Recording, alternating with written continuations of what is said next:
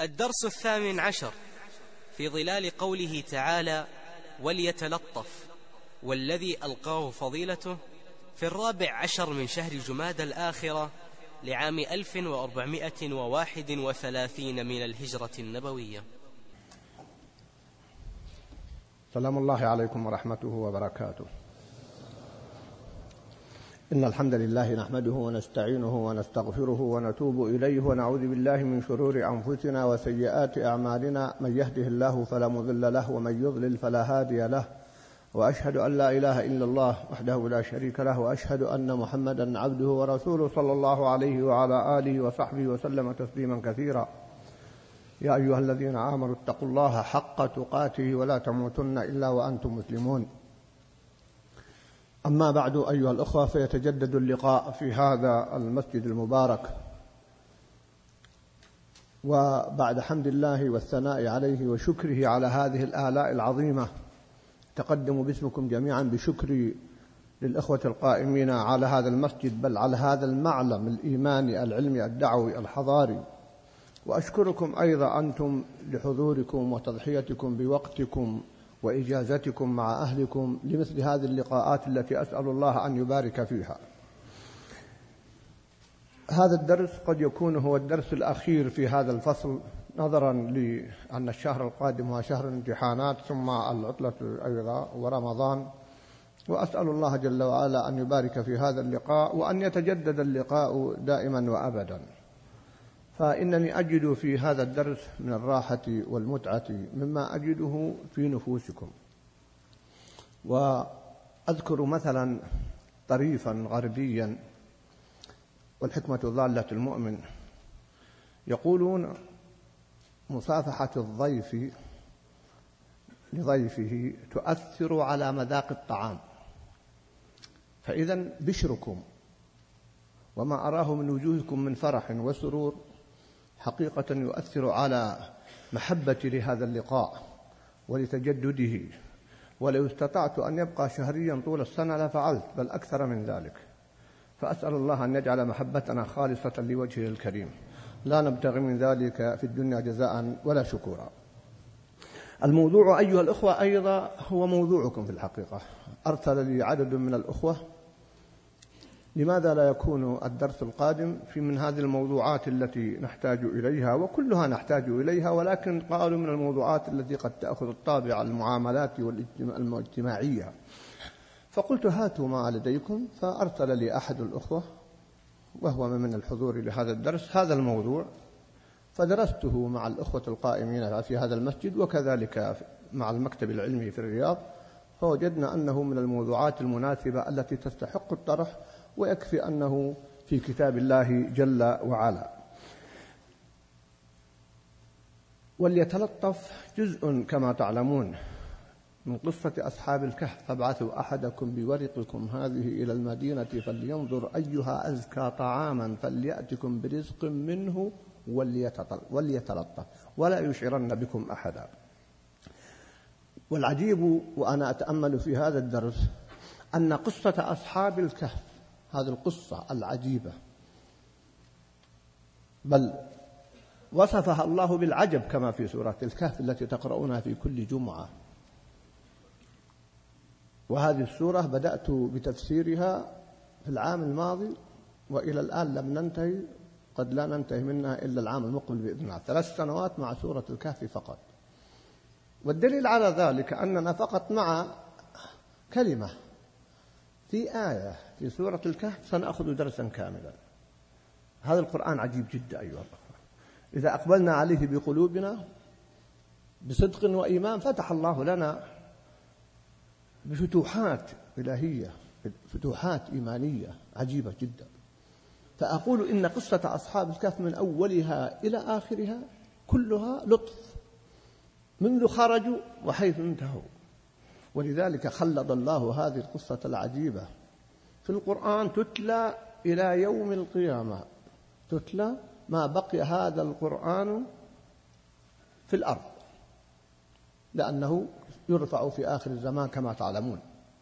بل إنه ورد الفضل العظيم في هذه السورة أن تقرأ في كل أسبوع. وبالذات في يوم الجمعة. لذلك أقول إن وليتلطف آية عجيبة. واللطف أيها الأحبة قال العلماء أصل اللطف في الكلام خفاء المسلك ودقة المذهب. فاللطف إذن هو رفق مصحوب بالذكاء والفطنة والحيلة الشرعية. لأن الحيل قد تكون حيلا شرعية وقد تكون حيلا باطلة. فليس كل حيلة يقال عنها إنها حرام ولا يقال عنها إنها حلال إنما الحيل هناك المشروع والممنوع. فإذا هم أرادوا أن يسلك مسلك الحيلة الشرعية ولذلك أثنى الله جل وعلا. قال العلماء اللطف والتلطف هو التودد بالقول والفعل للوصول إلى الغايات والسلامة من الآفات وهو أثر عن الحكمة التي من أوتيها فقد أوتي خيرا كثيرا. ذكر ابن عاشور مسألة لطيفة يقول وليتلطف هذه الكلمة هي في وسط القرآن. ما قبلها يعادل ما بعدها بالأحرف تماما. بل بعض المفسرين قال إن التاء في وليتلطف التي هي في وسط الكلمة كما تلاحظون هي أوسط حرف في القرآن. ما بعدها من الأحرف يعادل ما قبلها. هنا استنبط بعض العلماء استنباطا آخر يتعلق بمحاضرته وإن كنت لا أريد أن أقف طويلا مثل هذه الاستنباطات. قال التلطف هو نوع من التوسط والوسطية دون إفراط أو تفريط كما سيأتي بإذن الله.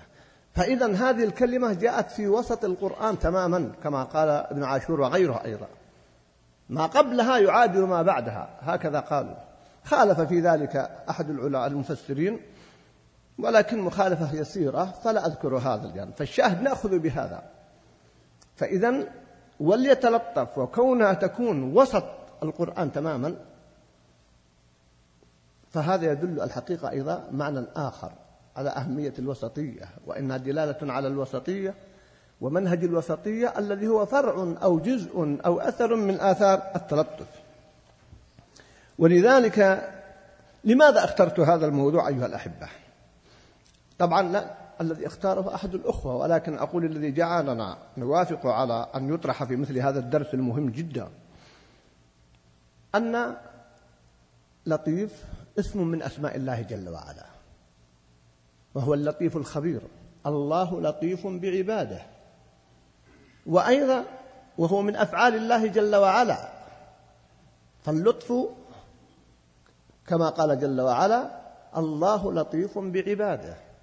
وهنا فإنني ألفت أيها الأخوة النظر إلى مسألة قصرنا فيها كثيرا. فإذا جاءت مثل هذه المناسبات أحاول أن أنبه إليها. نحن نؤمن والحمد لله بأسماء الله وصفاته وهو أحد أركان التوحيد توحيد الربوبية وتوحيد الألوهية وتوحيد الأسماء والصفات. المشكلة التي لاحظتها وهو تقصير من بعض طلاب العلم في الحقيقة خالفوا فيه منهج السلف من وجه آخر. أن العلماء أن السلف كانوا عندما يعلمون أسماء الله جل وعلا وصفات الله جل وعلا فإنهم كانوا يذكرون الأثر لكل اسم ولكل صفة دون تأويل أو تعطيل أو تحريف. فلما يقولون الرحمن كل منا يعرف معنى الرحمن ويدرك الرحمة. ولما يأتي يقول الرازق الرزاق ذو القوة المتين الرزاق صيغة مبالغة. لها معاني إيمانية عظيمة جدا. فما دام أن الله هو الرزاق فلماذا يلتفت الإنسان إلى غيره من المخلوقين؟ إذا كل صفة كل اسم له أثر وليس كأسماء البشر. قد يكون بعض الناس اسمه كريم يسمونه كريم وهو من أبخل الناس. أو يسمونه جواد وهو ليس بذلك بينما أسماء الله وصفاته أسماء حقيقية وصفات حقيقية وأثرها حقيقي. ولذلك لا بد ونحن نتعلم أسماء الله نتعلم أسماء الله جل وعلا وصفاته أن نعرف أثرها. لينبعث في القلوب هذا الأثر. إذا لما نقول اللطيف من أسماء الله جل وعلا فهل يأتي من اللطيف إلا اللطف سبحانه وتعالى؟ لا يمكن إلا أن يأتي منه اللطف سبحانه وتعالى والخير والرحمة. أما مجرد أن نعرف أنه نقول من أسماء الله أنه اللطيف أين أثر ذلك؟ إذا لم ترى الأثر فمحال أن يكون ذلك بحق الله كلا إنما هو بسببك هناك موانع منعت منك لطف الله جل وعلا. تتعلق بعملك تتعلق بقلبك تتعلق بأثرك. إذا وجدت في بيتك في عملك أن اللطف قد اختفى فابحث عن السبب. وما أصابكم من مصيبة فبما كسبت أيديكم ويعفو عن كثير. إذا فاللطيف من أسماء الله جل وعلا واللطف من صفاته سبحانه وتعالى. الله لطيف بعباده وهو اللطيف الخبير. فلذلك أحببنا أن نقف مع هذه الصفة وهذا مع هذا الاسم وهذه الصفة. أيضا أنه موضوع قرآني. والله يا أحبتي الكرام وعندما أقول لكم الله إنني أزداد تعجبا من جهلنا وتقصيرنا في حق كتاب الله. عندما أحدثكم أيها الأخوة يدعى أنني من المتخصصين بالقرآن. وعندما جئت أبحث في هذا الموضوع وأعد له خلال الشهر هذا الذي مضى وجدت دلالات في لطف الله جل وعلا. وتوجيهه للطف في حال البشر حتى مع الكفار ما لم نكن مع كل أسف ندركه لجهلنا وتقصيرنا. إذا نحن مقصرون في فهم هذا الكتاب. بحق الله جل وعلا كتاب أنزلناه إليك مبارك ليدبروا آياته. هم من أجل التلاوة فقط وليتذكر أولو الألباب. فسترون سأقف يسيرا مع بعض هذه الوقفات في, في القرآن مما يدل على هذا الموضوع. الذي يوجه بالتربية العملية الواقعية. والله جل وعلا قد ربى الصحابة بالأحداث. كيف يكون اللطف؟ حتى مع من ينازع الله أو يد الألوهية. أن مع أن يقول أنا ربكم الأعلى. يأمر الله جل وعلا باللطف معه. وبالتلطف معه. من باب أولى ومن قياس الأولى أن ما دونه أولى بذلك. ونحن نجد من نفتقد مع كل أسف لطفه مع زوجته مع أبنائه مع إخوانه المسلمين. إذا هو موضوع قرآني. أيضا أيها الأحبة ما تعيشه الأمم من مشكلات وفتن. من أعظم ما ينجي من هذه الفتات هو التلطف. لما بعض أبنائنا هداهم الله وبعض أبناء المسلمين تركوا هذا المسلك وقعوا في مصائب عدة. لها أول وليس لها آخر إلا أن لطف الله بها جل وعلا. هذه المشكلات التي نحن فيها هذه التقلبات الآن تسلط الأعداء من أعظم وسائل النجاة منها هو اللطف وهو اللطيف وليتلطف. أيضا هنا قضية نفسية لأن موضوعنا أيها الأخوة موضوع عظيم جدا. اللطف والتلطف له علاقة بنفسية صاحبها وصفاء نفسه. فتجد أن من نفسه صافية سليمة من العقد من الأدران من الأمراض يتعامل بلطف وبأخلاق. بينما العكس تجد من يتعامل بغلظة أحيانا. أنا لا أتحدث أيها الأحبة ألاحظ هذا عن الغلظة مع أعداء الله. يا أيها النبي جاهد الكفار والمنافقين واغلظ عليهم. لا أتحدث عن من يجب أن يتلطف معهم فإذا وجدت إنسانا يقسو على زوجته أو زوجة تقسو على زوجها أو أب يقسو على أبنائه أو أم تقسو على أبنائها أو مرؤوس رئيس يقسو على من تحت يده وهلم جرى الأمثلة كثيرة كما سيأتي فاعلم أن عنده خلل في نفسيته وفي صفاء نفسيته والعكس بالعكس. أيضا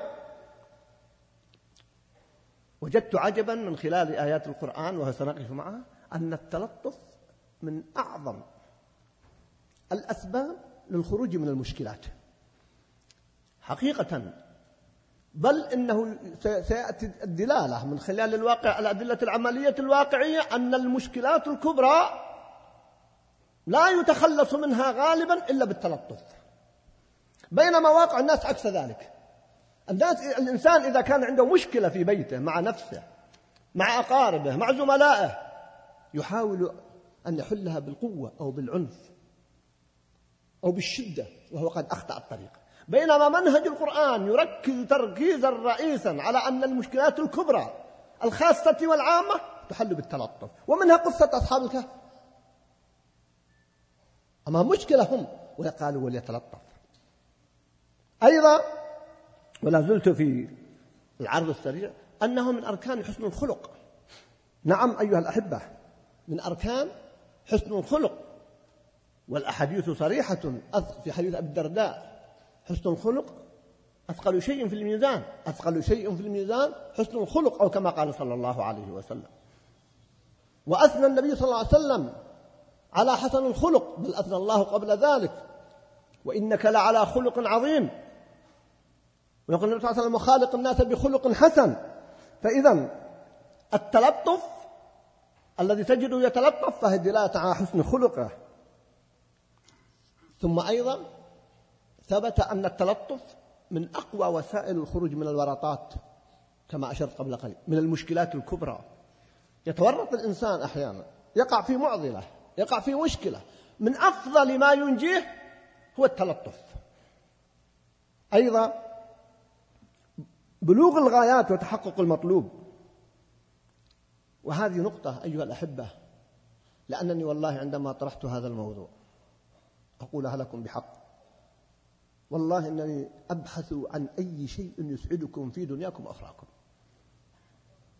أشعر أنني أحمل هما تجاه إسعاد كل مسلم. ولذلك أتألم عندما أجد أن السعادة بين يدي الإنسان ثم يفقدها ويجلب نفسه الشقاء. من ذلك موضوع التلطف. يكون الإنسان لديه مشكلات. حلها يسير بكلمة طيبة بالتلطف لكنه مع كل أسف يحرم الخير يحرم الرفق فيحرم الخير كله. ولذلك فلعلنا من خلال هذا الدرس الذي أسأل الله أن يجعله مباركا وأن يجعله من القلب إلى القلب لا من اللسان إلى الآذان نحاول أن نتجاوز مشكلة في داخل نفوسنا وبيوتنا ومجتمعنا وأمتنا. بالتلطف. فقد تكون المسألة يسيرة نعقدها بحرماننا من الرفق والتلطف. وقد تكون صعبة وشاقة وقاسية وحلها سهل بالتلطف. كما سيأتي إن شاء الله. إذا أيها الأحبة هذه كلها إشارات تبين على هذه صاحب سيارة يا أخوان. رقم 7953 حرف اللوحة عين باء باء عين. وصاحب بيت قد أغلق على صاحب بيت وصاحب بيت مستعجل. أيها الأخوان والله هذا ما دمنا في موضوع التلطف واللطف. أن يتلطف الإنسان بوقف سيارته بموقف سيارته. أن ينتبه أن لا يكون قد أغلق. يحدثنا أحد الأخوة قبل أيام في الرياض زرته وكان بيته أو بيت جاره هو بيته وبيت جاره مقابل للمسجد. قال في رمضان جاء شخص ووقف أمام البيت فخرج صاحب البيت.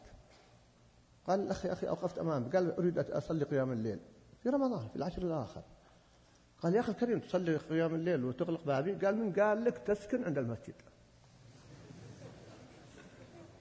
يقول راح تركنا يقول والله راح وتركنا وغلق الباب وراح. يقول ما أردت أن أعامل بسوء الخلق. صار أكرم منه. هكذا ردوا عليه. من قال لك تسكن عند أي أخلاق هذه أيها الأخوة؟ من أين؟ ولا وجاي يصلي الليل المشكلة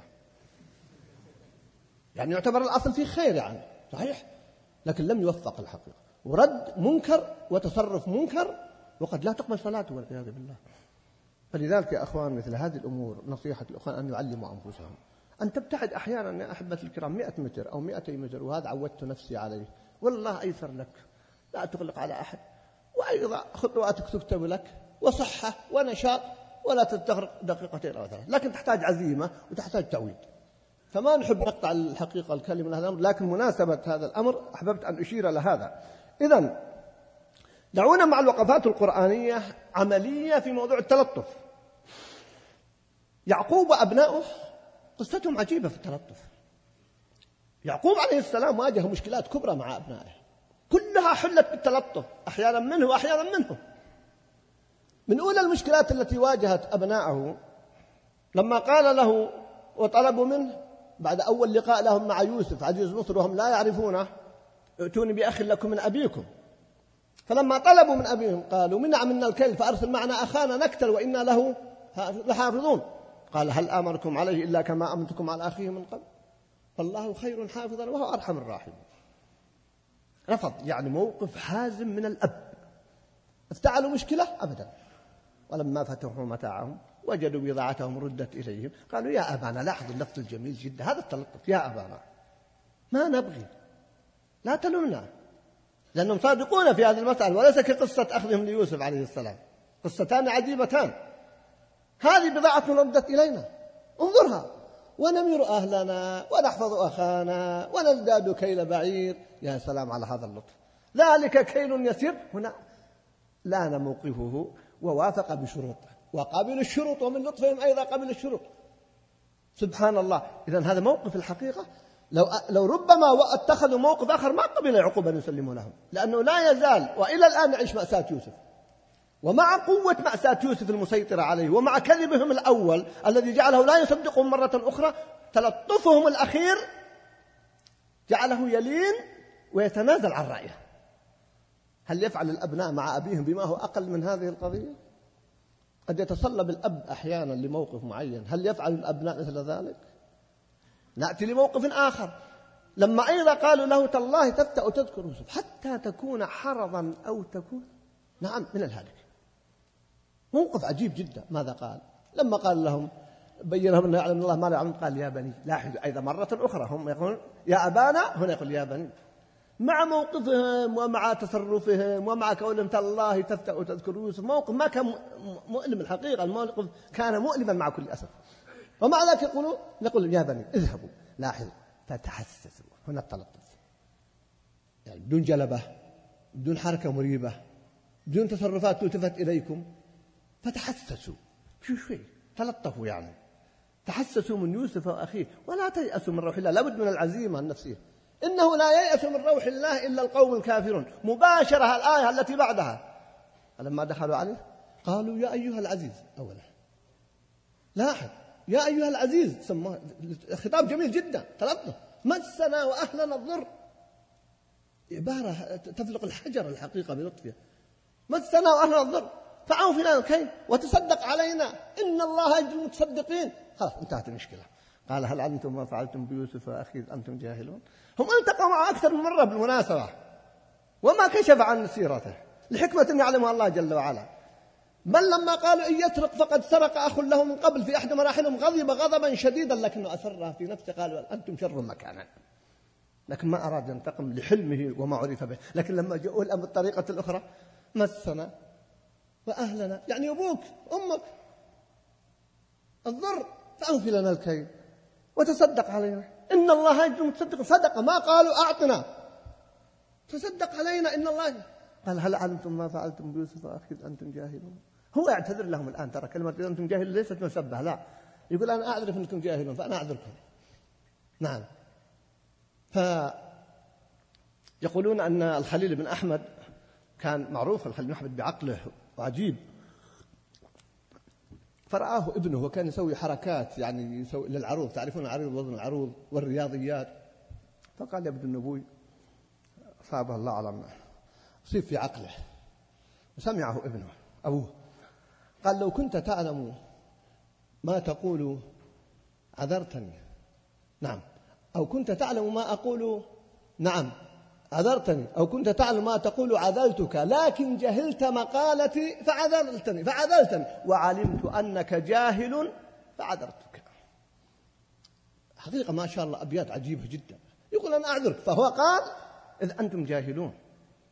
ثم عفى عنهم.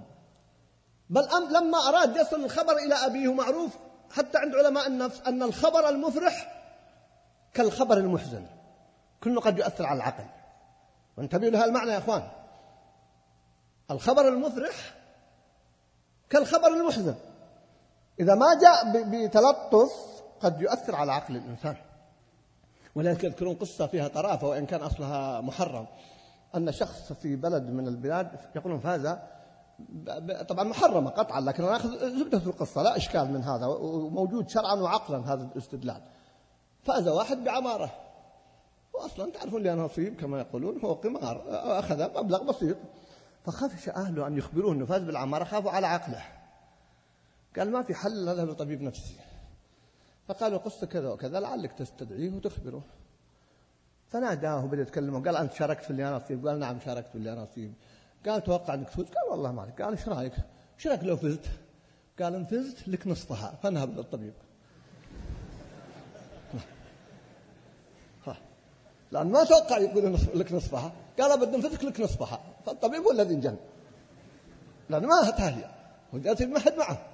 فالخبر المفرح كالخبر المحزن. كما لو تجي إنسان فجأة تقول مات أبوك ولا مات زوجتك زوجتك مات ابنك. لابد تمهد فكذلك هنا يعقوب يوسف انتبه لهذا المعنى. اذهبوا بقميصي هذا. صحيح أنه أراد أن يكون علامة لكن لما علمه الله انه سيأتي شوي شوي مراحل. ولذلك إني لاجد ريح يوسف قبل أن نراه يعني جاء تمهيد الآن. لولا أن تفندون. فجاءت مرحلة لتبشير يعقوب قبل أن يبلغه الخبر بالريح. نعم وهذا تمهيد للخبر. هذا من التلطف من لطف الله جل وعلا بيعقوب. وهو من ذكاء يوسف عليه السلام لوصول الخبر إلى أبيه بطريقة تكون مهيئة. وقصة القميص عاد طويلة مع يوسف كما تعلمون ذكرت في ثلاثة مواضع. كلها لها آثار إذا هذا أسلوب الحقيقة بالتلطف. أيضا أصحاب الكهف كما قلت لكم ولا أطيل فيها قصة أصحاب الكهف كلها لطف. وأنصح أبنائي الشباب وهم كثير والحمد لله أنصحهم أن يقرأوا مرارا قصة أصحاب الكهف. هذه القصة التي سماها الله عجبا. نعم سماها الله عجبا وهي عجب ولا شك. حكمة هؤلاء الفتية. فتية عجيبة من فتية معناه صغار ليسوا كبار. وكيف استطاعوا يواجهون ويتعاملون مع هذا المجتمع؟ ما فجروا في المجتمع وما ضربوا آباءهم وما خرجوا أبدا. إلى الكهف. حكمة عجيبة جدا. ينشر لكم ربكم من رحمته. ينشر ينشر. يعني يملأ يملأ المنطقة كلها يملأ الوادي. ينشر لكم من رحمته. ويهيئ لكم من أمركم مرفقة رفق. وهذا اللي صار. ثلاثمائة سنة وزيادة وهم في رفق ورحمة. ثم كان تعاملهم اللي يقول وليتلطف.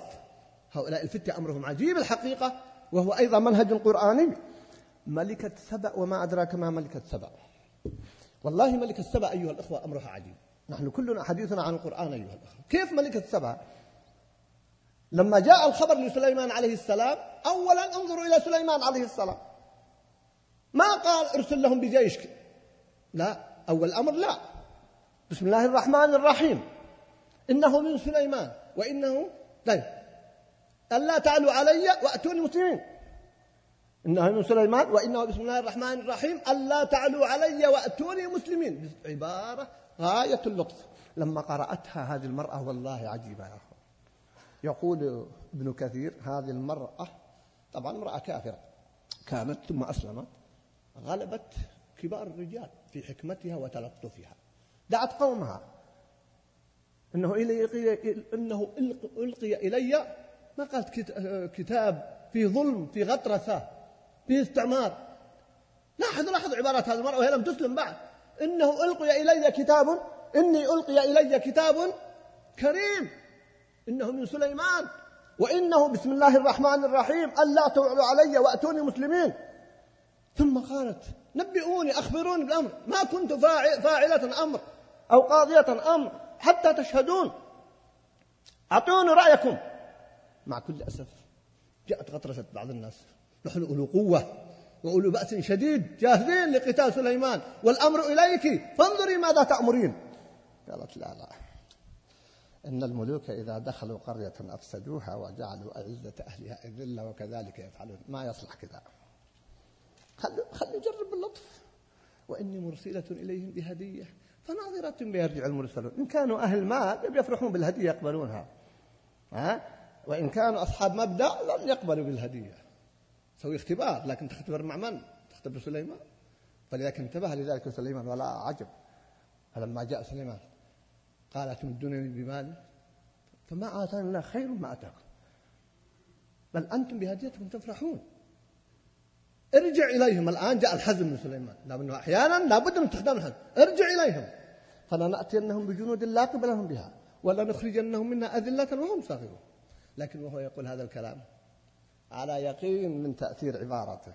أيكم يأتوني بعرشها قبل أن يأتوني مسلمين؟ ما قال قبل أن يأتوا بالجيش؟ لأن عرف أن هذه المرأة من الحكمة والعقل والتلطف أنها ستأتي بقومها مسلمة ولن تأتي كما قال قومها نحن أولو قوة وأولو بأس شديد. قارنوا بين المنهجين.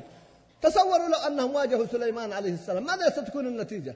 قطعا سليمان معه الإنس والجن ومعه الطير ومعه الوحش. إذا كان الهدهد وهو من أخص الطيور يقوم بهذه المهمة العظيمة. فما بالك بغيره من جنود سليمان عليه السلام؟ سخرها الله له. فلأنها عاقلة؟ استخدمت الحكمة استخدمت اللطف استخدمت الهدوء. نجحت وكان نهاية المطاف. أسلمت مع سليمان. لله رب العالمين. أسلمت مملكة سبأ بالكامل بقيادة هذه المرأة الحكيمة. التي قد يقول قائل في ذهنكم أين لا يفلح قوم ولا أمرهم امرأة؟ هذا ليس موضوع حديثنا هنا. هذه قضايا أخرى ونتحدث عن قوم فيها قضية الكفر. ولو بقوا على كفر فما أفلحوا. ولذلك لما أيضا أسلموا مع سليمان أصبحت الولاية لسليمان وليست للمرأة الإسلام ما يحاسب عن فعل الكفار. ما تعني تحاسبنا عن الدولة الكافرة الفلانية ولت امرأة. إنما الإسلام هو الذي في هذا الحديث الصحيح والحديث فيه يطول. شاهد أن قصة أصحاب أو سباء عجيبة جدا. بل إننا نجد أيها الأحبة حتى في سورة النمل ما دمنا في سورة النمل. نملة. يا أيها النمل لا يحتمنكم سليمان وجنوده. ما قالت وهم ظالمون؟ والله عجيبة. وهم لا يشعرون. ترى ما يدرون عنكم ما هم شايفينكم. أسلوب لطيف حتى تبسم سليمان من أسلوبها ومن حكمتها هذه النملة. لا يحتمنكم سليمان وجنود ما قالت هم جيش ظالم باغي وحاشاه لكن لا قالت لا اعتذرت لهم يا أخوان. قالت ترى إذا وطئوكم ما عندهم ترى خبر اعذروهم. فالحل اذا نهرب من الطريق. فتبسم ضاحكا من قولها. إي والله محل التبسم هذه. ما أحوجنا إلى أن نتبسم مع تصرف بعض البشر. وليس نملة وهذه نملة تتبسم. انظروا إلى امرأة فرعون عليه السلام.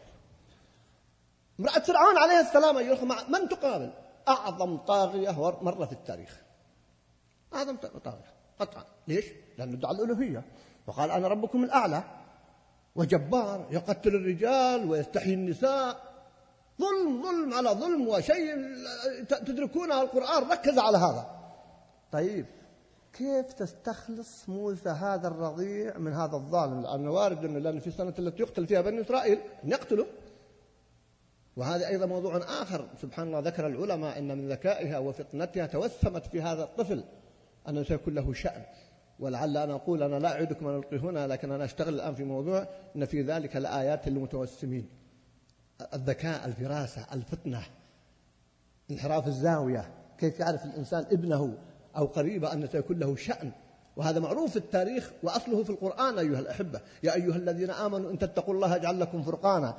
وأسأل الله أن ييسر إخراج. أن تيسر ألقيناه هنا أو في مكان آخر يصلكم بإذن الله. شاهد فهي تنبأت بهذا الطفل ماذا؟ ما جاءت فرعون قالت الله ما تقتله. لا لا لا. ماذا قالت امرأة فرعون أيها وقالت امرأة فرعون قرة عين لي ولك. يا سلام هذه العبارة اللطيفة. يا ليت بعض الزوجات تستخدم هذه العبارة مع زوجها المسلم. هذه تستخدمه مع فرعون لتحصل على مراد.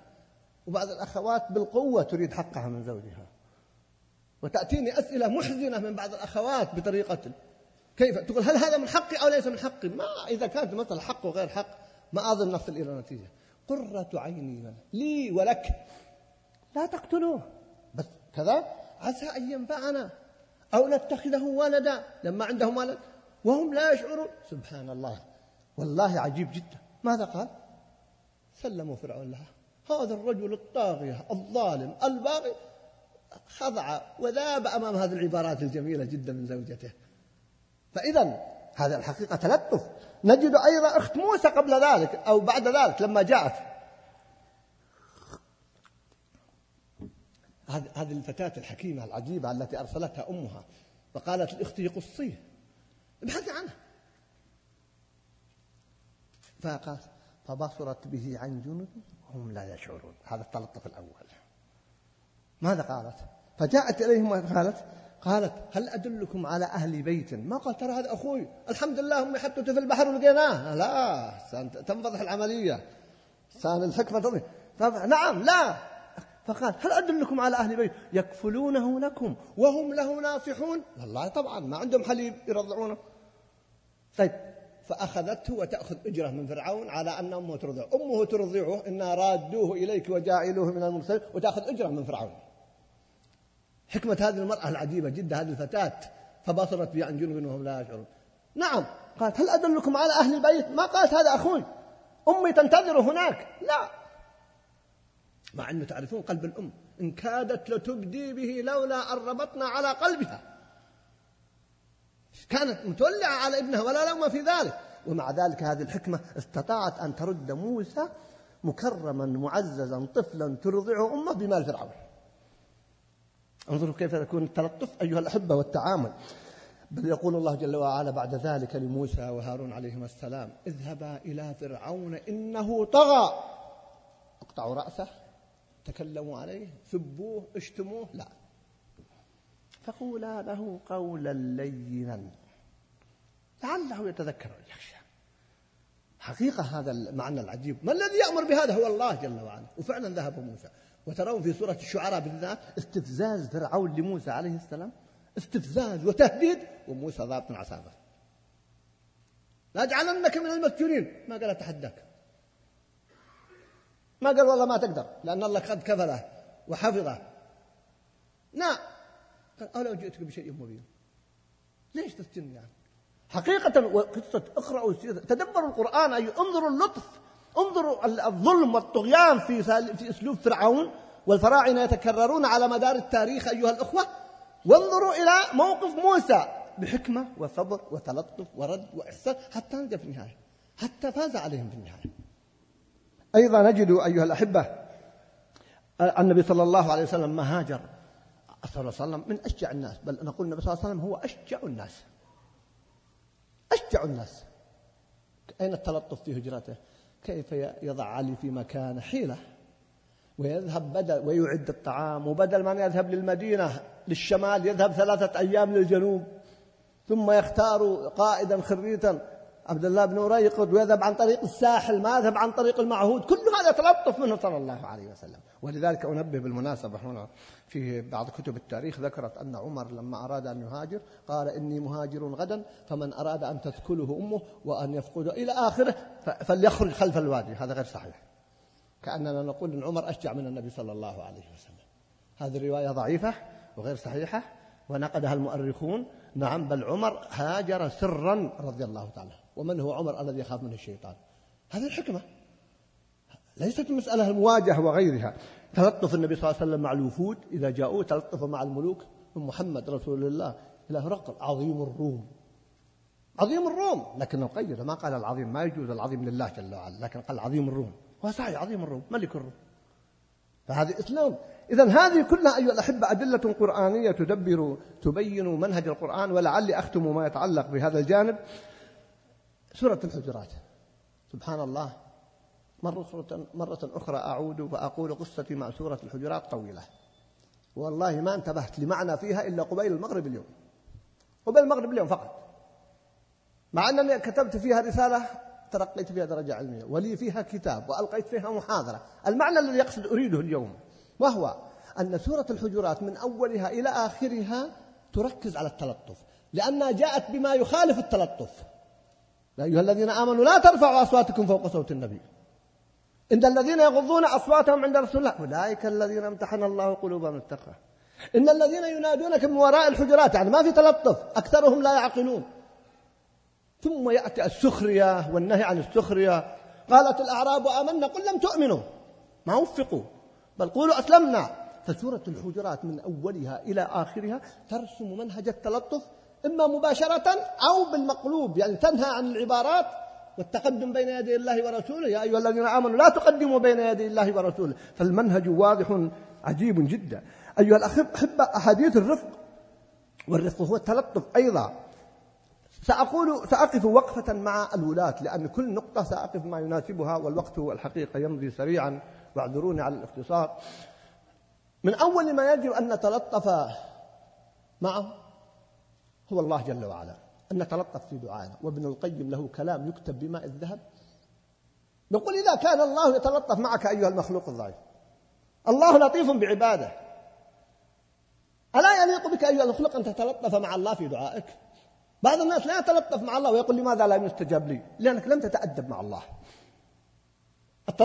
التلطف مع الله هو الذل هو الانكسار هو الخضوع. ولذلك قال العلماء ورد في الحديث الدعاء هو العبادة. كلمة حديث مخ العبادة ضعيف. كلمة مخ العبادة الدعاء مخ العبادة ضعيف. الصحيح؟ الدعاء هو العبادة. وقال ربكم ادعوني أستجب لكم. إن الذين يستكبرون عن عن عبادتي. ما قال عن دعائي. لماذا؟ لأنه قالوا من العبادة وهو الطريق الممهد. إن الدعاء فيه الذل والاستكانة والحاجة. فهو فيه أخص معاني العبادة. هل نحن إذا دعونا الله جل وعلا فعلا نتلطف مع الله جل وعلا؟ تتحبب إلى الله تسأل بأسمائه وصفاته تتوسل إليه بطاعتك. هذا كله من التلطف مع الله جل وعلا. ولذلك فنقول إن ممن يجب عليهم التلطف برعيتهم أيضا هم الولاة. وأحاديث الرفق ومن أعظم حديث النبي صلى الله عليه وسلم بل دعوة النبي صلى الله عليه وسلم. اللهم من ولي من أمر أمتي شيئا فرفق بهم أي لطف بهم فارفق به ومن ولي من أمر أمتي شيئا فشق عليهم فاشقق عليه. أعوذ بالله أن تصيبنا هذه الدعوة. الولاة أي وال كان حاكما مسؤولا وزيرا أميرا أن يتلطف مع الناس. جاء عبد الملك أيها الأحبة أو جاء أعرابي إلى معاوية وقال يا معاوية ومن هو معاوية؟ مشهور بالذكاء والحلم رضي الله عنه. كاتب وحي النبي صلى الله عليه وسلم. من أشد أعداء الرافضة قاتلهم الله. قال له الأعرابي يا معاوية كيف حكمت أربعين سنة في الشام ولم تحدث فتنة واحدة مع أن البلاد المجاورة تغلي بالفتن؟ كيف جاوب معاوية رضي الله عنه؟ قال له إن بيني وبين الناس شعرة. إذا أرخوا شددت وإذا شدوا أرخيت. بس انتهى. لو نضيق الوقت وقفت على قصة عجيبة مع معاوية جاء رجل وتكلم على معاوية بكلام شديد قاسي. لما خلص قال له ما قلت إلا الحق لأنه كان يثني على علي رضي الله عنه علي أهل للثناء لكنه لم يوفق في الأسلوب. أعطوه. لن نبطش به. قال قد قيدوا ما قال وأعطوه. فكان عجيب معاوية في سياسته. إن بيني وبين الناس شعرة.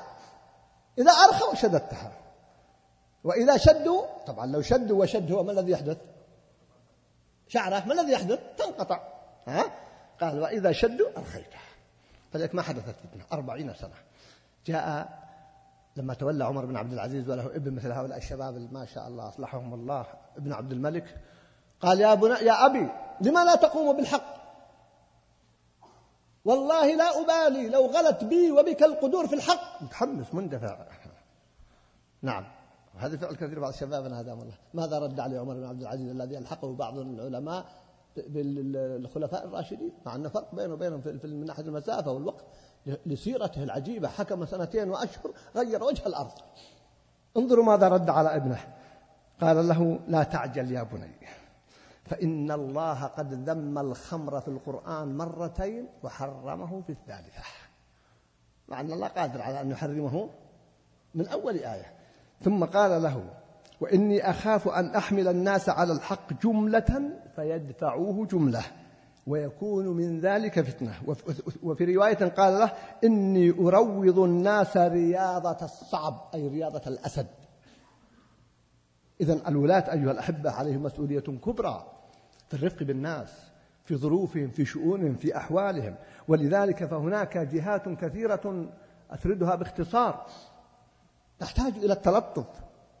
المسؤولون مع من تحت أيديهم وأحاديث الرفق كما قلت لكم من يحرم الرفق يحرم الخير كله. وبين النبي صلى الله عليه وسلم أن بيت ليس فيه الرفق بيت قد حرم خيرا كثيرا كما في الأحاديث الصحيحة. العلماء والدعاة والقضاة أيها الأخوة العلماء والدعاة يجب أن يترفقوا بالناس. بل القضاة مع كل أسف هناك من يتصور أننا القاضي حتى يقيم العدل لا بد أن يكون متجهما. حتى يكون له هيبة ويدخل خصم وهو هائب لا لا لا. ما هكذا يفعل السلف رضي الله عنه. ما هكذا يفعل محمد صلى الله عليه وسلم. وهو قاضي صلى الله عليه وسلم. كانوا يتلطفون معه. بل بعض السلف كان إذا جاءه الخصم أو الخصمان تلطف معه وتبسم معه حتى تنت أساريره وترتاح أساريره. ثم الحق يبقى يطبق الحق. لكن ما لا يمكن يطبق الحق إلا لا بد أن نكون متجهمين. فالقضاة عليهم مسؤولية. أيضا بعض العلماء حقيقة يجيبون السائلين. أنا أقول بعض ولا أعمم الحكم. وفيهم شدة. السائل قد يأتي الله جل وعلا يقول أما السائل فلا تنهر. ربما كثير منكم يفهم أما السائل فلا تنهر اللي يسأل فلوس. هذا مراد طبعا لكن أكثر المفسرين أو كثير من المفسرين وأما السائل فلا تنهر. السائل في أمر دينه لا تنهره. لأن بعض طلاب العلم ينهر السائلين. يقول أحد المشايخ قصة يقول أثرت بي يقول يوم من الأيام سألني شخص لكن يقول من فضل الله علمني بالجوال برسالة بعض. يقول فقسوت عليه بالرد. يقول فرد علي قال اتقوا الله يا تلاميذ الشيخ أشك أن الذي أجابه الشيخ لابد أنتم تلاميذه وقد أسأتم إليه. يقول والله أنه أنا اللي مجيب ما تلاميذي. يقول فخجلت من نفسي خجلا شديدا. ثم بعد ذلك غيرت بس ليس مباشرة حتى لا يكتشف. قال لا أبد الشيخ ما يجيب هذا الجواب مستحيل. هذا أكيد أحد طلابه ولا أحد أولاده هم الذين أجابوا يقول فأخل جعلني صار أفضل مني إجابة وتلطفا. فبعض الناس قد يكون يجيب إجابة شديدة. بعض ال... بعض الدعاة بعض القضاة بعض العلماء أيضا أهل الحسبة وخاصة أن الأضواء مسلطة عليهم ويظلمون كثيرا مع تلطفهم وحرصهم لكن قد تحدث تصرفات من بعضهم. لابد أن يتلطفوا مع الناس حتى ولو كان مخطئا. أيضا رجال الأمن مسؤوليتهم كبيرة الحقيقة. رجل الأمن إذا كان لطيفا مع من يتعامل معه كان له أثر على أمن الناس وعلى استقامة وبعض المجرمين يعود للإجرام لأنه لم يتلطف معه. بل بعض المسجونين قد يسجن وقضيته يسيرة جدا. قضية في فكر ولا في موقف معين يسيرة ثم يتحول إلى قنابل متفجرة. ليش؟ لأن التعامل معه ما كان جيدا. التعامل من بعض رجال الأمن لم يكن جيدا. بشدة وغلظة وقسوة. وهو موضوع يسير جدا. ربما لو اتصل به بالهاتف قيل له تعال إلى مركز الشرطة لجاء. فلا بد أيضا عليهم ما داموا هم مؤتمنون في المحافظة على الأمن أن يتلطفوا مع الناس. لا نقول أن يترك المجرم لا يقبض عليه. حتى لو كان هناك وجهة نظر أن يؤتى إليه لكن ليس بهذه الطريقة. هذه لها آثارها البعيدة وآثارها السلبية عدم التلطف مع بعض هؤلاء خاصة من قضاياهم يسيرة. نحن ما نتكلم عن إنسان الآن سيقع في جريمة أو سيفجر مبنى. لا. قد يحتاج إلى الغلظة لا يفهم كلامي على غير محله. لكن الإنسان قد تكون قضية بسيطة. كلمة قالها أو وشاية غير صحيحة أو معلومة غير دقيقة نتلطف معه. ونأتي وبعد ذلك بعد أن يثبت الحق عليه لدينا قضاء يحال إلى القضاء يحكم فيما يشاء. لأني أرى أن آثار بعض التصرفات الحقيقة لها آثار بعيدة المدى وبعيدة الغور على أبنائنا وهنا يستغلون استغلالا سيئا. والسبب عدم حسن التعامل معهم عدم التلطف معهم. أيضا المعلمون أيها الأخوة لدي قصص كثيرة جدا مع كل أسف من بعض المعلمين حتى إن بعضهم لسوء تصرفهم بعض التلاميذ انحرف التلميذ وأصبح وبالا على الأمة. والله يا أخوان كان التلميذ بسبب موقف سيء من المعلم. أمام زملائه انحرف هذا الشخص ثم أصبح له شأن في البلد أصبح ممن يدعم الشر وأهله والعياذ بالله حتى مات نعم وقد يكون يحتل موقعا كبيرا. والعكس لو أن المعلم تلطف ونحن مقبلون على الامتحانات أوصي أبنائي وإخواني المعلمين أن يتلطفوا مع طلابهم حتى في الامتحانات. سأذكر لكم قصة مؤثرة وإلا الوقت ضيق لكن سأذكرها الأهمية كنت في منطقة من مناطق من أقصى مناطق المملكة منطقة نائية جدا ومعنا أحد طلاب العلم وكان أستاذا في جامعة ونحن جالسون في تلك المنطقة فإذا داعية من الدعاة قام وسلم على الشيخ وقبل رأسه قال لك موقف معي لن أنساه ما حييته قال عسى خير إن شاء الله. قال خير. قال كنت أختبر في الكلية الفلانية وأنت أستاذ فيها. فجئت متأخرا فمنعوني أن أدخل الامتحان لأنني تأخرت. وبعد محاولات قالوا ما عند مانع ندخلك لقاعة الامتحان لكن نص ساعة ما تعطى السؤال. عقاب له. هذا عقاب في الكلية يعني. أنا أعرف أنه يوجد في بعض الكليات. وهذا من حق الكلية أن تتخذ بعض العقاب. يقول فلما دخلت كنت متوترا. وكانت المادة صعبة جدا. يقول كنت أنت يخاطب الشيخ أنت اللي كنت مشرف على القاعة. يقول لما جلست وأنا متوتر جئت إليه قلت اطمئن. أنا ما أستطيع أعطيك السؤال إلا بعد مضي نص ساعة لكن سأعطيك من وقتي بعد انتهاء المدة أكثر من نص ساعة. اطمئن وقتك لن يذهب. يقول الحمد لله هدأت. يقول قال استجم ليس من مصلحتك أن أعطيك السؤال حتى أنت متوتر الآن؟ اهدأ شوي. يقول فجأة جاء اللي يصب الشاي يقول طبعا تصور واحد تأخر عن امتحانات. لأنه صاحي من النوم مستعجل أكيد ما شرب شاي ولا استيقظ يقول فعلا ما كنت شارب الشاي يقول جاء صب الشاي. طبعا يصب الشاي ما للطلاب يصب الشاي للمشرف فقط مراقب على القاعة. يقول ففجأة أخذت الكأس من وجئت به وضعته على مصح قلت أكيد أنك ما شربت شاي. أشرب شاي. قلت لا قال له والله أنت أشرب شاي. إذا خلصت البيالة إن شاء الله أعطيتك السؤال يقول فعلا. يقول ترى غيرت ملامحي. يقول أعطيتني السؤال. يقول أجبت. لما قال كل شيء تمر عليك لا تستعجل. أعوضك عن وقتك اللي راح عليك هذا وقتي أنا عاد ما يتحكموا فيهم. يقول فعلا أجبت ونجحت وأثبت تخرجت من الجامعة وجئت لهذه المنطقة النائية. تصور لو أنني ذاك. موقف ماذا خسر الشيخ في هذا الموقف؟ مع كل أسف يا أخوان فلا بد أيضا المعلم ينتبه لهؤلاء. قد يكون أحدهم إمام للمتقين قد يكون قائد من القوات أيضا يحتاج التلطف أيها الآباء والأقارب. وهذه مسألة يطول الحقيقة. بعض الآباء غير موفق في تعامله مع أبنائه وبعض الأبناء غير موفقين في تعاملهم مع آبائهم. الزوجان. يا أخوتي الكرام أمامي حقيقة قصة مؤسفة. الشيخ عبد العزيز بن باز الشيخ عبد آل الشيخ مفتي عام المملكة قبل أيام كما نشرت وسائل الإعلام يقول يعرض علينا يوميا 15 حالة من حالات الطلاق. وفي السنة يقول قرابة أربعة آلاف حالة. هذا فقط الذي يعرض على الشيخ عبد العزيز أو في الإفتاء. ويقول منذ توليت يعني قبل لما بعد وفاة الشيخ عبد العزيز بن باز رحمه الله يقول عرض علي وخرج من عندنا فتاوى أربعة آلاف عفوا اثنين وأربعين ألف وأربعمائة وثلاثة وثلاثين. رقم هائل جدا الحقيقة. معناه في مشكلة داخل البيوت. أكاد أجزم وأنا أراكم وكأن أمامكم أن نصفها أو أكثر كان يعالج بالتلطف كان يعالج بالحكمة. كان يعالج بكلمة طيبة من الزوج أو من الزوجة. لكن مع كل أسف كل واحد يشد الحبل ثم يذهب الأولاد ضحية وتقع مشكلات وتقع نفرة فيصبح الأبناء في مصيبة مع الأب ولا مع الابن. ماذا يفعلون أيها الأخوة؟ فصام. وقلت لكم أنني زرت دار الرعاية الاجتماعية التي فيها دار الأحداث التي فيها مجرمون من أعمار من ثمان سنوات إلى 18 سنة. وجدت أغلبهم بسبب فراق الأبوين أو وفاة أحد الأبوين. لا الوفاة أخف سبحان الله. فراق الأبوين أو مشكلات داخل البيت. إذا لابد من التلطف بين الزوجين في عباراتهم. إذا كانت امرأة فرعون تقول قرة عين لي ولكن يمكن لو يسأل واحد بعض الإخوان يقول هل سمعت هالكلمة من زوجتك يوم من الأيام؟ قال والله ما سمعتها. ما هو مسلم وهي مسلمة. امرأة فرعون تقول قرة عين لي ولك. عبارة وحققت ما تريد الحقيقة. فإذا التلطف بين الزوجين من الزوج ومن الزوجة. أمر مهم جدا الأولاد والتعامل مع الأولاد. أيضا نحتاج إلى التلطف أيها الأحبة مع الجيران وأحاديث الجيران. حتى يقول النبي صلى الله عليه وسلم ما زال جبريل يوصيني بالجار حتى ظننت أنه سيورثه. أو كما قال صلى الله عليه وسلم. بعض الجيران بينهم قطيعة وكان يمكن أن تحل بكلمة أو بكلمتين. أيضا أيها الأحبة التلطف مع الخدم. وهناك جرائم بشعة أنا اطلعت عليها. من الخدم من بعض الخدم بشعة. إما بالزوج وإلا بالزوجة وإلا بالأولاد وخاصة الأطفال. والسبب تعترف الخادمة أنهم كانوا يهينونها أو كانوا يؤذونها. بينما تجد العكس.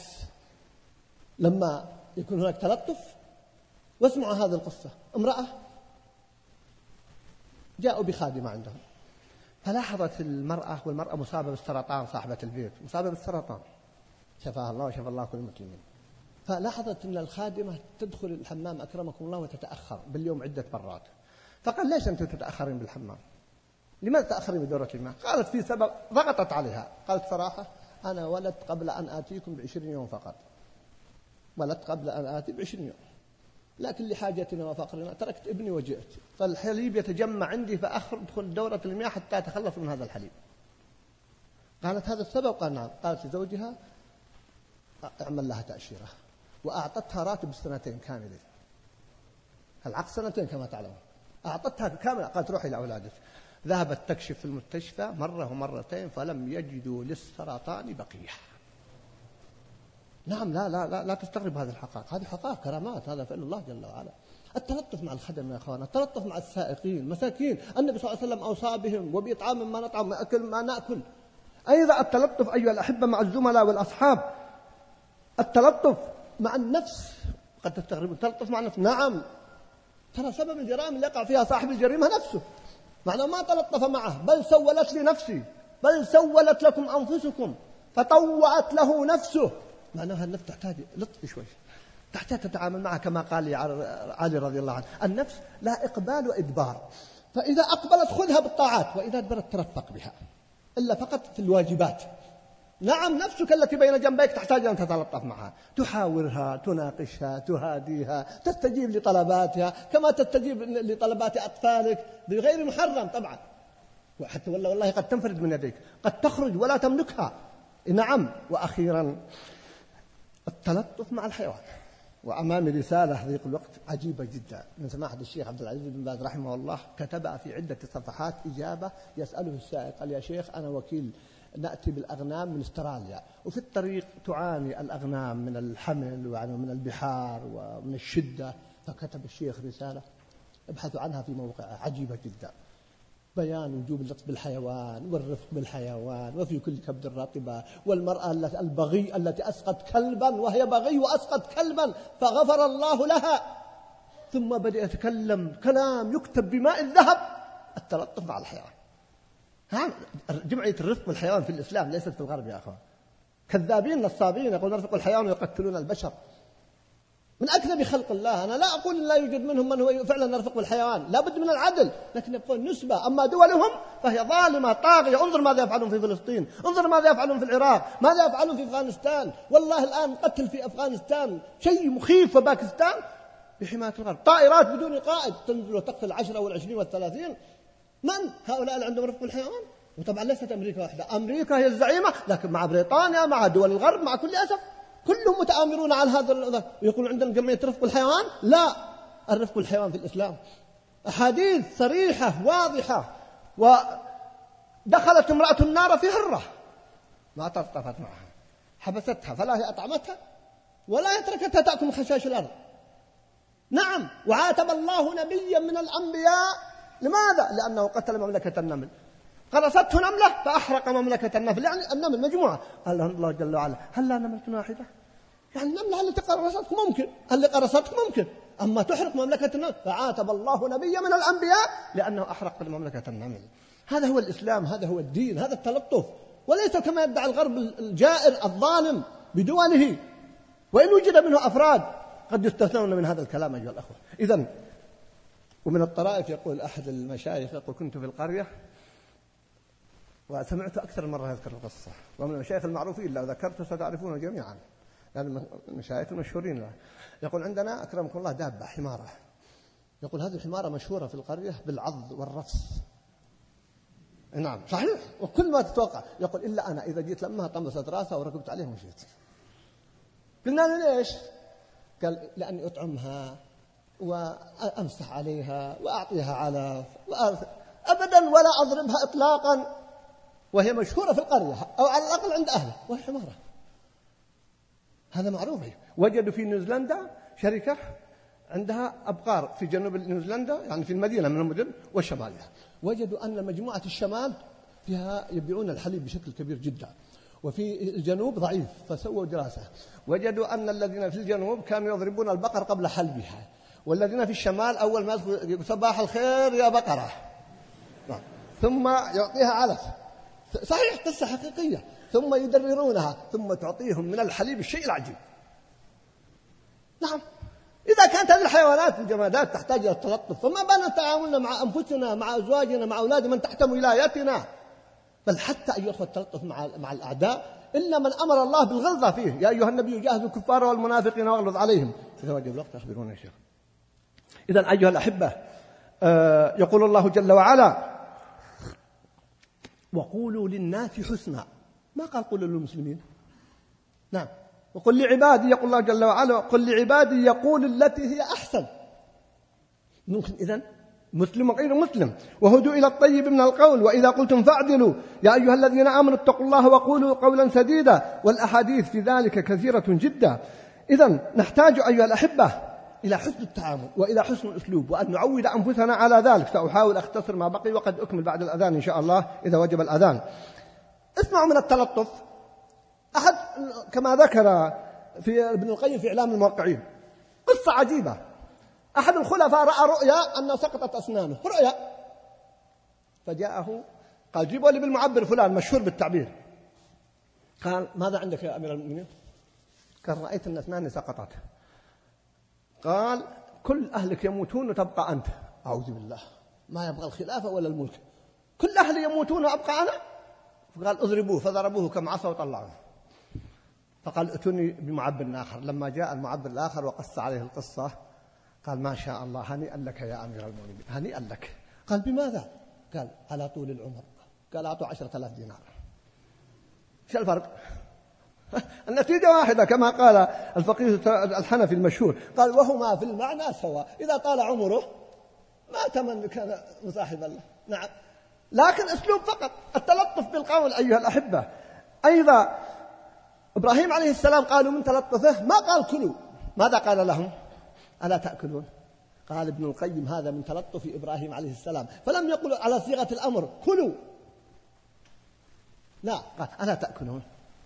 أسلوب الحقيقة في غاية اللطف. نعم. أيضا التلطف مع الأعداء. يقول ابن الجوزي ولقد احتجت في عمري إلى ملاطفة أقوام ما خطر لي قد وقوع الحاجة إلى التلطف بهم. وهناك آيات وأحاديث كلها في هذا المعنى إلا من أمر الله جل وعلا كما قلت لكم بالشدة معه والغلظة معه يا أيها النبي جاهد الكفار والمنافقين واغلظ عليهم. أيضا أيها الأخوة التلطف مع الأهل. بل ورد حديث وإن كان في رواية خلف يقول النبي صلى الله عليه وسلم إن أكمل من إيمانا أحسنهم خلقا. وفي رواية اختلف فيها وألطفهم بأهله. لكن معناه سلام ولكن معناه وألطفهم بأهله. والله أقف وأواصل إن شاء الله بعد الأذان.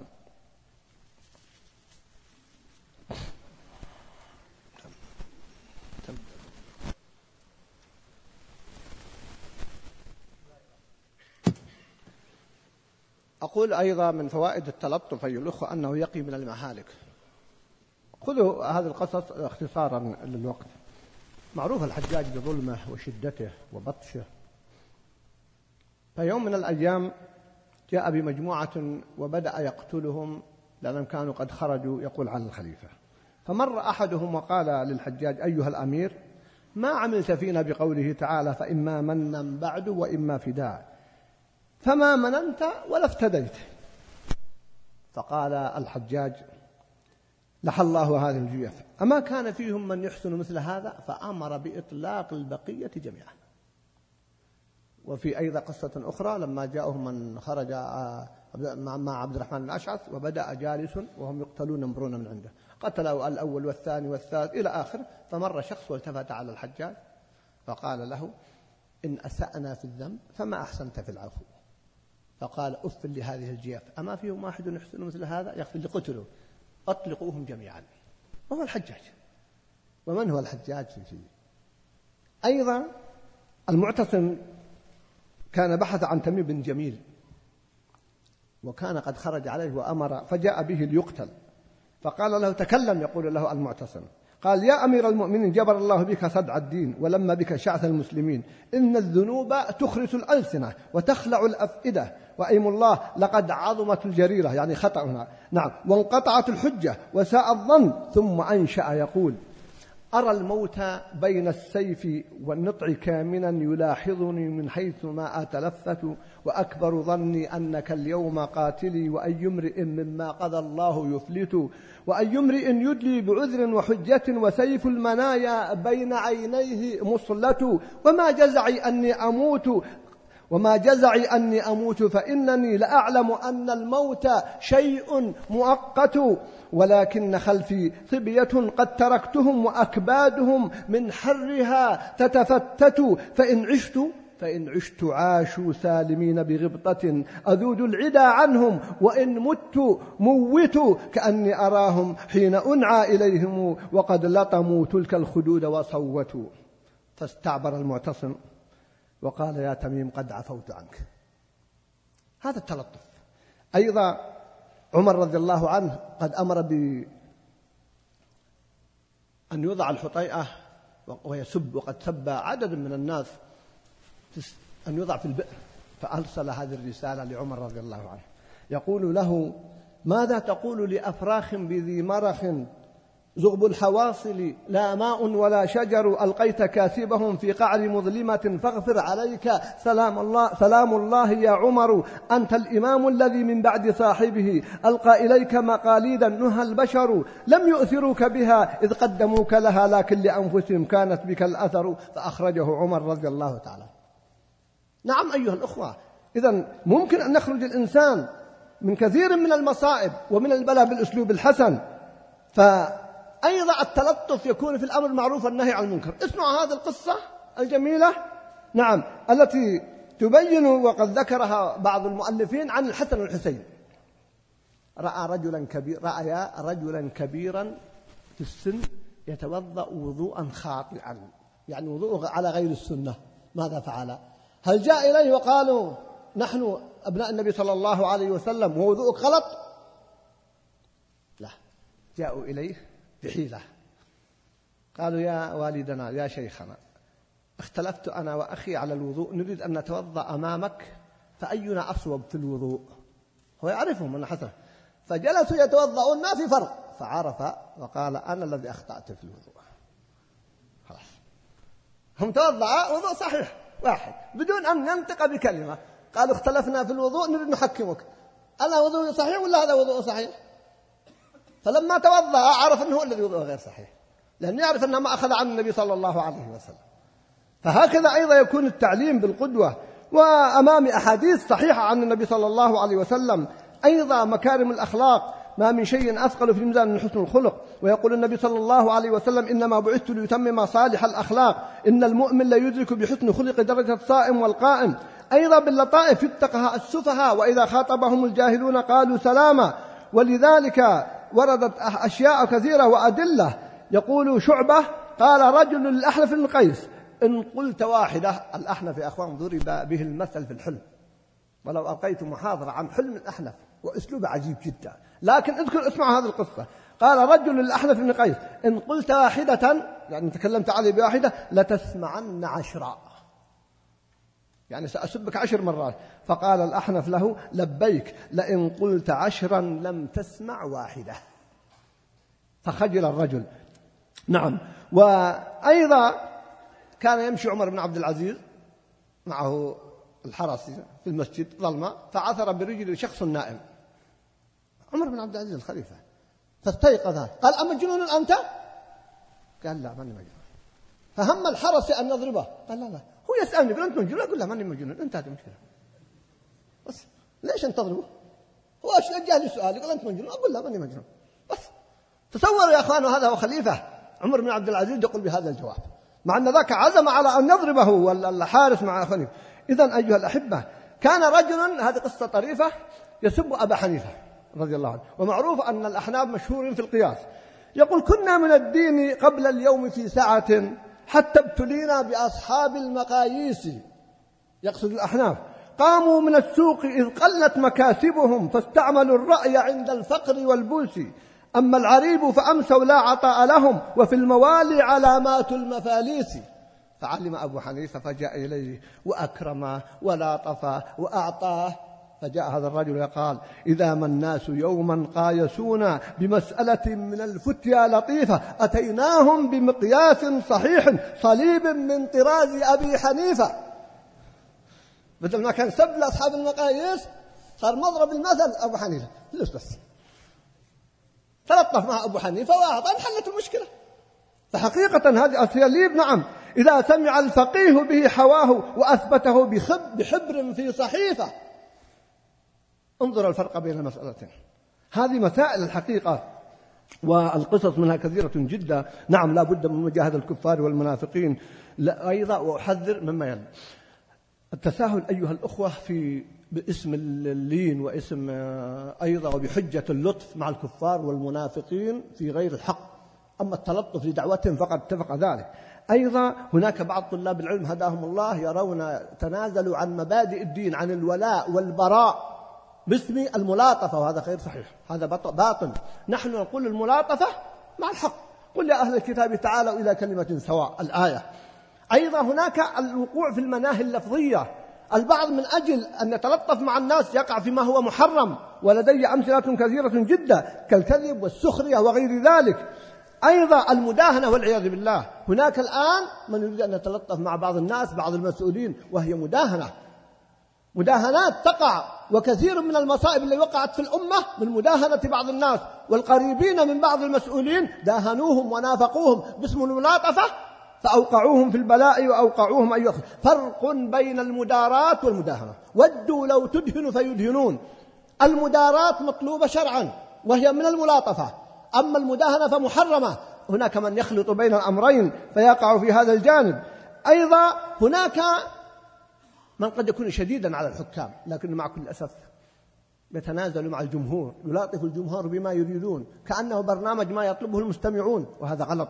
ليس هذه الملاطفة التي نريد إنما يجب أن يكون العالم وطالب العلم هو الذي يقود الناس ولا يقوده الجمهور أيضا. مراعاة المقام. وأعجبني قصة هنا ذكرها بعض العلماء آه، أن يقول إن هناك بعض الناس مع كل أسف في كل مقام مقال في الملاطفة يقول في الجنائز أحيانا في المقبرة إذا شاف صاحب بدأوا يتكلم معهم ويدعو بعضهم بعض والمناسبة عندنا الناس عند القبر. وهذا قد ليس من اللطف الحقيقة لكل مقام مقام. ولذلك كان مطرف بن عبد الله بن الشخير كان إذا لقي الرجل في جنازة وهو لم يره منذ مدة طويلة سلم عليه سلاما عاديا حتى يتصور صاحبه أنه قد جفاه بسبب سلامه. فإذا انتهى العزاء أو انتهوا من المقبرة سلم عليه سلاما حارا وقال له كنا في مكان لا يناسب أن نتلاطف فيه وأهل الميت حولنا. الآن في المقابر عند القبر نسمع قضايا بالجوالات بعضهم يدعو بعض. وما يليق هذا ليس هذا التلطف الذي نريده.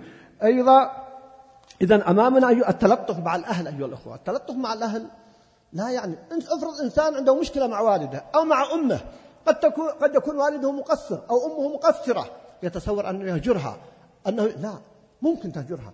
ممكن لكن التلطف شيء والحزم شيء آخر. ممكن أن نجمع الإنسان بين الحزم إذا كان مؤثرا ونافعا وبين التلطف أيضا مع أبيه أو مع أمه حتى لو كان كافرا. هذه مسألة الحقيقة فيها إفراط وتفريط بحجة أنه أب أو أم لا ينظر إلى مراد الشرع. وقد تكون أمه مقصرة وقد ترتكب المحرمات أو يكون أبوه كذلك ويداهنه ولا يداريه. لا المطلوب أن تداري أباك أو أن تداري أمك لكن لا تداهن أمك. لا تداهن أباك. إنما تداريهم ولا تداهنهم. أيها الأحبة أختم بهذه الكلمات. مما يعين على التلطف الإقبال على الله جل وعلا والدعاء والالتجاء البيئة الجميلة. أيها الأخوة اسمعوا تأثير البيئة في اللطافة. يقول بعض ذكر بعض الأدب أهل الأدب أن علي بن الجهم مدح الخليفة المتوكل. اسمعوا إلى هذا المدح. جاء جاء من البادية ودخل على المتوكل في بغداد ومدحه قال له أنت كالكلب في وفائك بالعهد وكالتيس في قراع الخطوف هذه بيئته كلب وتيس. من, من عند الخليفة هموا أن نضربوه. قال الخليفة اتركوه. هذه ثقافته هذه بيئته. نعم. جلس في بغداد الجميلة بغداد الأنهار فما مر أيام إلا يقول هذا البيت الذي أصبح مضرب المثل في الرقة. يقول عيون المها بين الرصافة والجسر عيون المها بين الرصافة والجسر. جلبنا الهوى من حيث أدري ولا أدري. يا سلام. هناك كلب تيس وهنا الآن عيون المها وغزل. أصبح من أقوى أمثلة الغزل. ما الذي حدث؟ البيئة. إذا البيئة مؤثرة أيها الأخوة في التلطف أو في الشدة أو في الغلظة. ولذلك أيضا على الناس أن يراعوا فرق بين إنسان جاء من منطقة آه، قد تكون كالبادة كالرجل الذي لما جاء أول ما جاء من البادية أو إنسان عايش في مدينة فيحاسب هذا غير هذا. أيضا التدرب أيها الأخوة على التلطف. إنما العلم بالتعلم إنما الحلم بالتحلم. أيضا الصبر ومن يصبر يصبره الله وآيات الصبر. طيب وأخيرا الدعاء أيها الأخوة. الدعاء الدعاء. وأخيرا ما أحوجنا إلى التلطف خاصة في هذه الظروف الصعبة القاسية. التي تسلط فيها الأعداء. ونحتاج إلى الحيل الشرعية التي يكون اللطف فيها موضعا مشروعا للمحافظة على المكتسبات وإقامة المشروعات. قد تأتي لإنسان عدو لهذا الدين اسمحوا لي لكنك ربما بلطفك وسعة صدرك وحسن أسلوبك تنتزع منه حقا عظيما. وربما بأسلوب خاطئ قد يحرمك ويحرم الأمة من مشاريع خير فلذلك ما أحوجنا إلى التلطف. أقول لكم أيها الأخوة إن الذي يمرر وأنتم أهل لذلك وأنتم كذلك. بل ضرب النبي صلى الله عليه وسلم بكم المثل في اللطف عندما بين أن أهل الحجاز رعاة غنم ولذلك فيهم الرقة والرحمة. هكذا قديما بينما أهل المشرق أهل إبل ففيهم الجفاء والغلظة. فأنا حديثي معكم كجالب التمر إلى هجر أن نحافظ على هذا المعنى. ولذلك ما من نبي إلا رعى الغنم. لماذا؟ لأن الغنم تحتاج إلى لطف تحتاج إلى رحمة تحتاج إلى ولذلك ما من نبي إلا رعى الغنم. حتى النبي صلى الله عليه وسلم. وموسى عليه السلام عشر سنوات بل قال ما من نبي إلا رعى الغنم. لكن الإبل أصحابها يصبح فيهم شدة أحيانا يكون فيهم غلظة ويتضرب بها النبي صلى الله عليه وسلم بأهل المشرق لأنهم أصحاب إبل. إذا كانت أيها الأخوة هذا الحديث عجيب في مسلم. إذا وفي غيره إذا كانت الحيوانات العجماوات تؤثر بأصحابها فكيف بشياطين الإنس والجن؟ إذا كان الذي صاحب الإبل تؤثر فيه ويصبح غليظا شديدا أو يصاحب الغنم ويرعى الغنم يصبح رقيقا حبيبا لطيفا فكيف الذي يصاحب شياطين الإنس والجن؟ ماذا يفعلون معه؟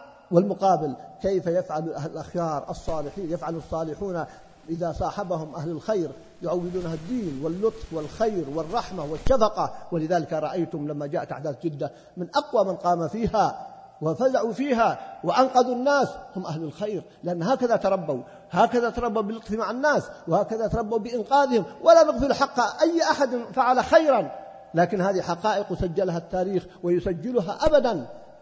فالله الله من أجل أن نسعد نتلطف مع ربنا مع أنفسنا مع زوجاتنا مع أبنائنا مع أولادنا مع جيراننا مع إخواننا مع أساتذتنا أيها الأحبة. يكون اللطف منهجا لنا في حياتنا. هذا ما أقوله وأقف أمامي دقائق الآن من سمح الشيخ وإلا نصلي. ما أدري كم يعطيني الإجابة على الأسئلة والله أعلم. تبع إن شاء الله. أحاول أن ألتزم فيها. واعذرونا عن التقصير أيها الأخوة. هذا سؤال يسأل والدته يقول ترتكب محرمات كيف أتعامل معها؟ أجبت يمكن أن يكون حازما من وجه ولطيفا من وجه آخر. يا إخوان لا تعارض بين الحزم وبين اللطف لكن التعارض أحيانا بين الغلظة والشدة وبين اللطف. هذا الفرق بين الأمر وأشر إلى ذلك.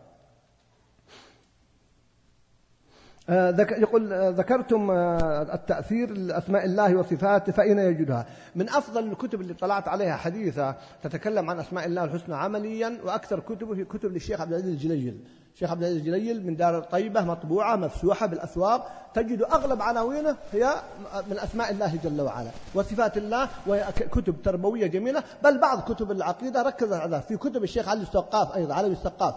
لو كتب جميلة وبين فيها وشرح أسماء الله الحسنى وآثار أسماء بل قبل ذلك في كتب للشيخ محمد بن عثيمين وإن كان بعضها أسماء الله الحسنى تجدون الأثر. فالكتب كثيرة جدا في شرح أسماء الله الحسنى وبيانها وآثارها. يقول أنا شاب شاب طبيب أعمل في المستشفى فيكون التلطف مع المرضى والموظفين. بالعكس الحقيقة يا أخوان أكثر أكثر المبشرين في الغرب يلجؤون للطب. يلجؤون للطب وعن طريق الطب يبشرون بدين النصارى. فالأطباء من أكبر الدعاة الحقيقة. أمامهم فرصة للدعوة عظيمة جدا لأن المريض يلقى في حالة ضعيفة. نعم. وحتى من ألطف ما يذكرون أن أقوى شخص يقولون يتمكن من الدعوة من هو؟ طبيب الأسنان ليش؟ يقول يكون الشخص على ظهره مرتاح واسمه في قطن ما يقدر يتكلم ولا بكلمة والطبيب يتكلم كما يشاء. نص ساعة ساعة. نعم. ولا يستطيع يرد بكلمة هو. فإذا أنت تعطيه محاضرة كاملة دون مقاطعة. نعم. فحقيقة صحيح. إذا ممكن الطبيب لو استخدم طبه فعلا في العمل والدعوة والتلطف حتى مع العصاة حتى مع المخ... لأن المريض مريض. المريض أيها الأخوة حسيا لا يخلو من مرض أيضا نفسي. لا أقصد أنه عنده مرض نفسي لا يعني يكون نفسيته تحتاج من يرفع من معنويته يحتاج من يرفع من إيمانه. فأنت عندما تلقي على درس في الإيمان تقول قبل أن أعطيك العلاج المادي يعطيك العلاج الإيماني العلاج الذي يساعدك. نعم يقول أحد الأطباء الأمريكان وهذه جديدة القصية يقول نحن علاجنا وعمر الرجل الآن تجاوز سبعين سنة. طبيب مشهور نسيت اسمه الآن. يقول علاجنا الطبي المباشر لا يتجاوز عشرين بالمئة والباقي يعود لنفسية المريض. نجاح العلاج يعود لنفسية المريض إيجابا ولا سلبا؟ هذا أمريكي وهو ليس بمؤمن. فمعناه إذا فرصة للطبيب يشتغل بالسبعين بالمئة بالثمانين بالمئة. نعم قبل أن تعطيه العلاج المادي. لكن بعض الأطباء لا مع كل أسف. يزيد المريض مرضا. نعم وقد يكون تصرفاته تزيد من هذا البلاء. فالأطباء أمامهم فرصة لا توجد عند غيرهم في الحقيقة في التلطف والدعوة والعمل إلى غير ذلك. يقول هل من دلالة الآية يتلطف دعوة أهل الباطل نعم في السفر إلى بلادهم؟ لا يختلف إذا كان فعلا متوقف الذهاب إليهم. لكن الآن يا أخوان ما نحتاج نسافر. العالم كله ارتبط بالتقنية. أمامنا مكتب في, في الرياض والله يدخل العشرات أو لم أقل المئات سنويا عبر موقع الإنترنت فقط. اليوم فرصة أتيحت والغرب مرتبطون بهذه الأدوات بالانترنت وبجوالات وبغيرها فلنستثمرها. وإن سافر الإنسان ولديه برامج فلا حرج في ذلك بضوابط. هل حزم المربي مع طلابه يعارض التلطف؟ قلت لكم يا أخوان الحزم غير الغلظة. الحزم نطالب بالحزم لكن الحزم في موقعه. ووضع السيف في موضع الندى مضر. لابد الحكمة وضع الشيء في موضعه. فالحزم شيء لكن الأسلوب الطيب الأسلوب الحكيم الأسلوب الحقيقة المستبشر كل هذا والحديث لا يتسع له والله أعلم.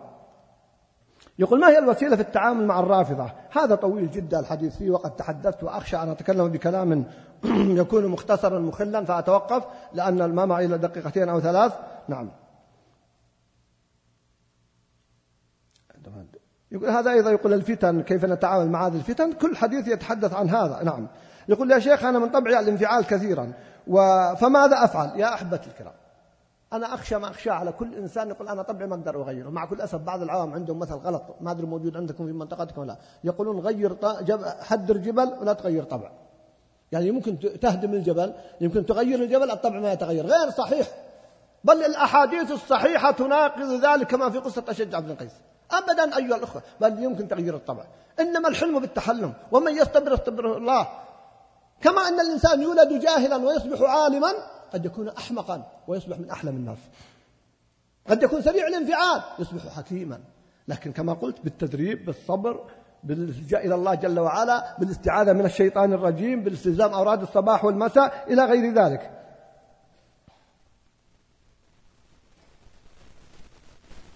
هذا يتكلم عن موضوعات يقول التزكية التي يطرحها ابن القيم وابن تيمية. هناك من يقول هذه من المثاليات غير صحيح. بل واقعية وممكن أن تطبق ولا حرج في ذلك. يقول بعض الناس من إذا, من إذا تلطفت معهم لاحظ آخر سؤال أو قبل الأخير بعض الناس إذا تلطفت معهم يستغلون ذلك سلبيا فكيف أتصرف معهم؟ أعطيك حديث النبي صلى الله عليه وسلم. جاءه رجل فقال يا رسول الله إن لي قرابة أحسن إليهم؟ نعم ويسيئون إلي وأحلم عنهم ويجهلون علي. إلى آخر الحديث. قال النبي صلى الله عليه وسلم إن كنت كما تقول فعلا تحسن إليهم ويسيئون إليك وتتلطف يعني معهم ويجهلون عليك. يقول فكأنك تسف في وجوههم المل ولا يزال معك من الله ظهير عليهم ما دمت على ذلك. عامل الناس يا أخي بأخلاقك لا تعاملهم بأخلاقهم. سيعون يوما ما ويدركون يوما ما. نعم. هذا يسأل يقول هل من التلطف أن أترك الأبناء يشاهدون المحرم ببعض المسلسلات آه، وغير؟ هذا غير صحيح.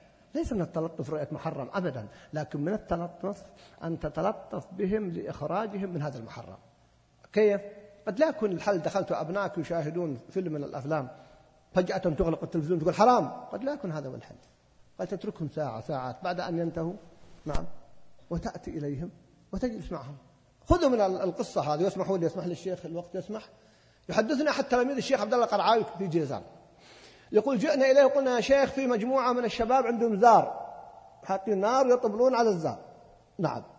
ف يقول حنا ما شاء الله ذاهبين. قال الشيخ مشينا. وكان الشيخ رحمه الله على دابته. نعم راكب. يقول ومعه كيس فيها دراهم على أربع قروش ونص ريال. يقول نحن معاه نجهز بس نفلت أيدينا بس. ننتظر أمر من الشيخ سنبطش فيهم. يقول لما وصلنا ننتظر ماذا سيفعل الشيخ عبد الله القرعاوي قال عيالي هذا الشغل ماش ما سويت شيء. اللي يضرب أحسن ضرب أحسن أعطيه أربع قروش. يقول والله كنا نضرب الشيخ. نعم. بس يقول ما تمنك يقول بدأ واحد يضرب حتى انفقع معلش بلغتهم يعني خرب أذى قال تعال تعال لك أربع قروش. الثاني خرب الثالث الرابع حتى خلصوا. والشيخ يحثهم. يقول لما خلصوا جماعهم قال تعالى وجلس معهم جلسة ودعاهم ونصحهم وقال هذا ما يليق يا عيالي وأعطاهم قروش جميعا. فاهتدوا جميعا. إذا ممكن تعمل مع أولادك شوي شوي. كما قال عمر بن العزيز إن الله حرم الخمر. نعم بينها مرتين ما حرمها بين أثرها مرتين وحرمها في الثالثة. فتحتاج إلى تلطف حتى مع أولادك لكن لا يعني أن تقرهم على المنكرات فترة طويلة وتقول لا من باب التلطف. كيف نلطف الجو ونقوي العلاقة بين الزوجين وأهل الزوج؟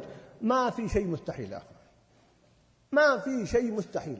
أنا أقول وأكرر الزوجة تملك مفاتيح زوجها. أنا ما أتكلم عن حالة الشاذة وأتكلم من واقع كثير من المشكلات التي عالجتها. الزوجة بيد مفاتيح قلب الزوج. ثم بعد ذلك تستطيع عن طريق أهل الزوج. لكن تبي صبر وحكمة وإهداء وتعامل. يحدثني أحد الأقارب يقول أنا وعندي مفاتيح لأي لكل أقاربي. قلت له أهدها لنا. قال لما أول ما أزورهم أملك الأطفال. أعطيهم حلاوة أعطيهم على ريالين على ثلاثة. يقول إذا حبوني الأطفال مو الأب والأم يحبوني مو خشومهم قال والله نجحت يقول مرارا. يقول ما أبدأ بالكبارين الكبارين أول هداياهم صعبة يعني تحتاج مبلغ كبير وقد ما يقتنعون أبدأ بالأطفال ثم الأطفال إلا نروح لقريبنا هذا إلا نزوره وإذا جاء بدأ لماذا ما زارنا؟ وكلها ريالين ثلاثة أربعة ثم خلاص يصبح مضرب للمثل عند العائلة. صحيح؟ وهذا مثال صحيح واقعي.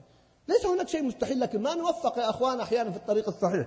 وأخيرا تنفيذ طلبات الزوجة وخاصة نزول السوق. هذا مرة أخرى من البلاء الذي عم. نزول السوق ليس بحد ذاته محرما لكن الإسراف فيه أو النزول بدون ضوابط أو النزول مع السائق فقط أو تكون متبرجة أو يكون السوق معروف بالفساد. هذا هو الذي يجب أن ننتبه له. أما نزول السوق فما حد منا يسلم من نزول السوق. إنما يكون له ضوابط وباعتدال وبحكمة.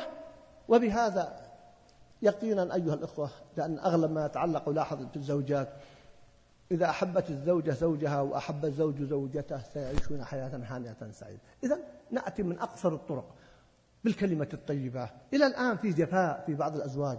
والله بعض الزوجات تقول والله أعيش سنوات ما سمعت من زوجي كلمة لينة. وبعض الأزواج يقول ما سمعت من زوجتي كلمة رقيقة. أي بيوت هذه؟ أين اللطف أيها الأخوة؟ كيف ينشئون الأولاد؟ نحتاج إلى الحقيقة إلى سعة الصدر نحتاج إلى تحمل نحتاج إلى تلطف نحتاج إلى دعاء صادق نحتاج إلى الصدقة في ظهر الغيب. أسأل الله أن يبارك فيكم وفي أولادكم وأن يلطف بنا جميعا وأن يلطف بالأمة.